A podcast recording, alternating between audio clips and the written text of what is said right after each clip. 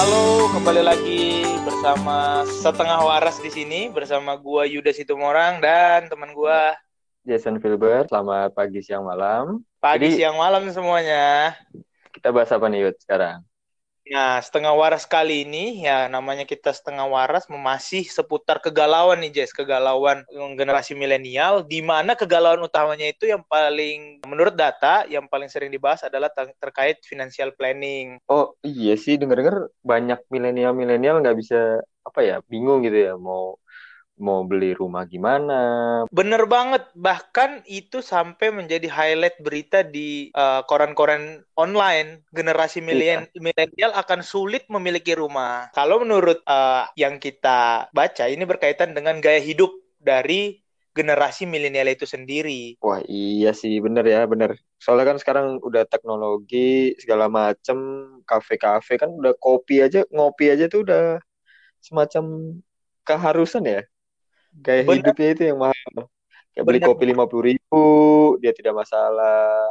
Nongkrong di mana, kayak gitu-gitu ya. Apalagi hidup di kota besar itu kan, wah, gak main-main. Gimana mau? Tapi dia lucunya milenial ini udah tahu pengeluarannya besar, tapi keinginan tetap ya masih mau rumah gitu. Apalagi juga kita lihat harga rumah sekarang nggak masuk akal mungkin ya. Beda sama generasi dulu mungkin ya.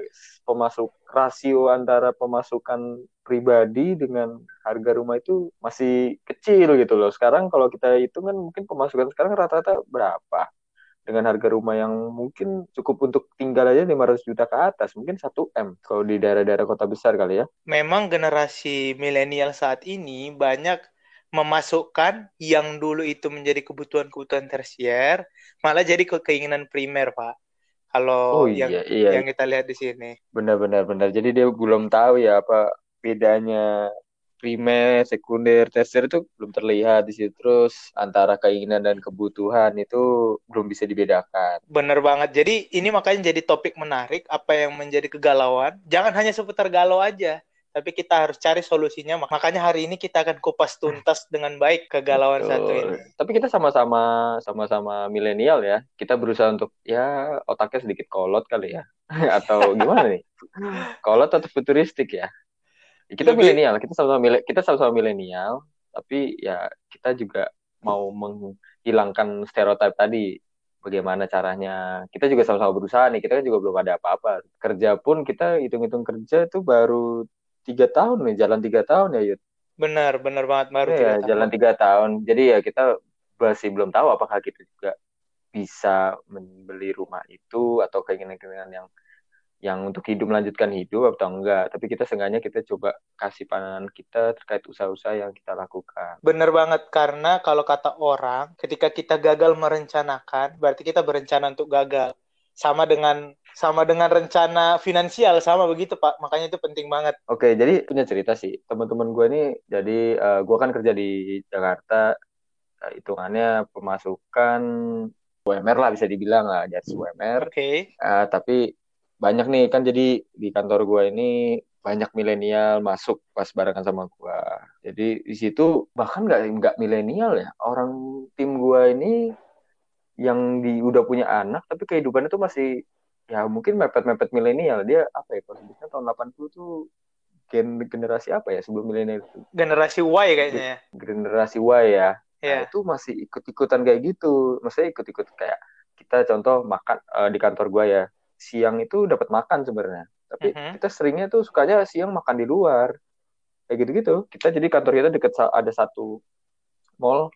Siang itu bisa pokoknya tiap minggu lah, tiap minggu itu kita pasti ke sana gitu. Mem- meng- untuk hanya untuk makan siang padahal di kantor kita disediakan makan siang ya oke lah tapi untuk beberapa saat untuk biar tidak bosan tapi ini kita makan di luar itu hampir tiap hari loh Yud di di tempat gue ini. Nggak nggak harus ke mall ya tapi makan di luar itu hampir tiap hari. Gila nggak itu bayangin. Kira-kira expense-nya berapa tuh kalau sekali makan di luar tuh? oh kita kalau kalau sekali makan di luar ya nggak di mall ya. Di mall aja itu bisa tiga puluh ribu. Tiga puluh ribu sehari.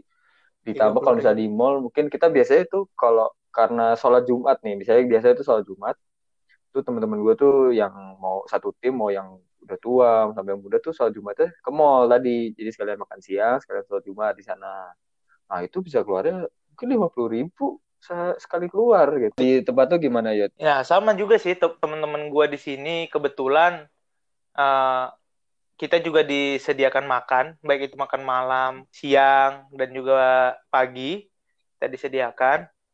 Tapi memang masih banyak nih yang sering makan di luar. Karena memang faktor hmm. kejenuhan tapi nih uh, Jess. Iya, ya. Sering iya, makan iya, setiap hari. Tapi memang ke, makin ke sini ke sini teman-teman gue itu makin aware, makin sadar kalau makan di luarnya itu mungkin porsinya cuma uh, satu minggu satu kali sebelum oh, enak ya lebih lebih lebih sadar ya iya mereka lebih sadar kebetulan di lingkungan gua saat ini orang-orangnya ke sini ke sininya semakin aware terhadap perencanaan finansial sebelumnya sama seperti teman-teman hmm. lu sering ya namanya kita habis dari kuliah baru punya duit kita pengen beli gadget baru pengen um, hmm. nyoba makan sana sini pengen jalan sana sini benar-benar belum aware cuman semakin sering baca semakin belajar sharing-sharing juga makin mengerti. Iya untungnya sih ya bagus kalau lingkungan lu udah mendukung gitu. Jadi kitanya juga jadi lebih percaya. Terus kalau tempat gue tadi tuh emang masih sampai sekarang ya belum ada yang berani lah untuk kayak mikir investasi. Aduh duitnya gimana? Masih mikirin resiko-risikonya mungkin juga banyak nih yang dengerin podcast kita pada takut gimana. Nah mungkin kita jelasin kali ya. Kita tuh sekarang udah ngelakuin apa aja ya dengan financial plan kita, gitu ya? Iya boleh boleh. Jadi kalau mulai dari gue dulu ya Jess. Dulu gue iya, tuh ya, boleh. waktu kuliah dikasih uang bulanan sama orang tua, uh, itu memang cukup cukup nggak bisa nabung lah, karena memang pas-pasan banget mm -hmm. ya. Nah, ketika gue kerja, yeah. awal gue kerja sebelum gue aware terhadap yang namanya perencanaan finansial ini, gue itu mengumpulkan duit bulan pertama rasanya megang banyak duit. Misalnya kita contohkan, gua hmm. pengeluaran dulu waktu kuliah cuma eh, satu juta lima ratus misal. Itu udah semua kehidupan yeah. gua, baik itu makan, laundry, ataupun bensin dan lain sebagainya. Di sini gua, di sini gua makan ditanggung, laundry di, ditanggung, transportasi ditanggung. Tapi expense gue bisa lebih dari satu setengah juta karena gue dulu belum sadar akan financial planning tadi. Gua makin ke sini-sini uh, belajar, baca-baca. Banyak Instagram-Instagram juga yang ke generasi milenial khususnya sasarannya karena permasalahan kegalauan ini. Gua baca-baca, oh ternyata nilai uang itu bisa menurun. Oh, ternyata kebutuhan ke depan makin berat. Oh, ternyata kita harus melakukan investasi. Nah, di sini setelah sadar akan hal itu, gue mulai nih memetakan apa aja pengeluaran-pengeluaran gue yang sebenarnya itu nggak perlu. Apa aja yang gue bisa prioritaskan pengeluaran gue sehingga gue bisa merencanakan. Gue prinsipnya adalah 30% untuk operasional gue, kayak itu makan, biaya pacaran atau apa pun dan lain sebagainya lalu 40% gue investasikan, 10% itu kebutuhan ibadah, ya kan? Kebutuhan ibadah, amal, dan lain sebagainya. 20% lagi itu gue saving atau nabung, nabung biasa. Kalau gue pos-posnya seperti itu. Kalau lu gimana pengalaman lu, Jess? Jadi lu udah ada porsi-porsian per pos ya, per, per bagian itu. Nah, kurang lebih sebenarnya gue sama sih gue gue sama jadi kalau gue membaginya justru agak berbeda nih Yud mm -hmm. porsiannya kalau gue gue ini 50 justru investasi 50 persen oke okay.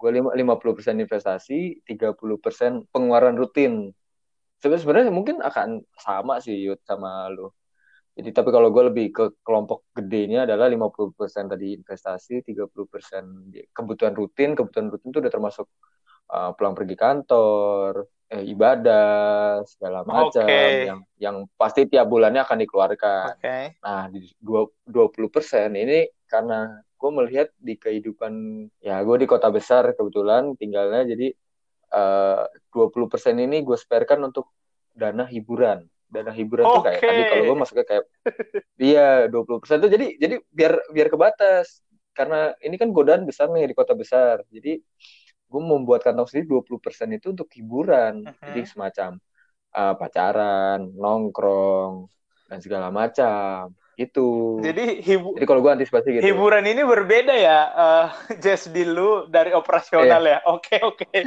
Oke. Betul. Gue pisahin. Gue pisahin karena karena bahaya gitu. Gue melihatnya di di kota besar itu bahaya kalau kita tidak tidak memisahkan itu nantinya kita nongkrong nongkrong nongkrong nggak kerasa uh, malah hiburan kita lebih mendominasi nah itu kan memakan uang operasional dari nanti opera, pas kita pengeluaran rutin kita kemakan oleh hiburan mau nggak mau mengurangi mengurangi uang tabungan kayak gitu-gitu yang jadi perlu diantisipasi. Kalau ini dana darurat gimana? Oh, dana darurat itu dari dari investasi 50% tadi itu masuk, tapi gue ada rumusnya. Oh, ada rumusnya lagi. Investasi okay. uh, eh, ada rumusnya. Jadi jadi uh, kejaran pertama itu 50% tadi di porsian itu udah masuk ke dana darurat, investasi dan segala macam. Tapi dana darurat itu emang harus dipenuhi dulu sebanyak kalau gue karena masih lajang, jadi gue tuh mensperkan enam kali pengeluaran rutin gue jadi 6 kali 30 persen tadi. Jadi itu gue penuhin dulu dana darurat. Nah ketika itu berarti 50% gue itu full ke investasi. Mungkin detailnya itu kita bahas ke depannya kali ya. Kait dengan dengan dengan dana darurat itu seperti apa,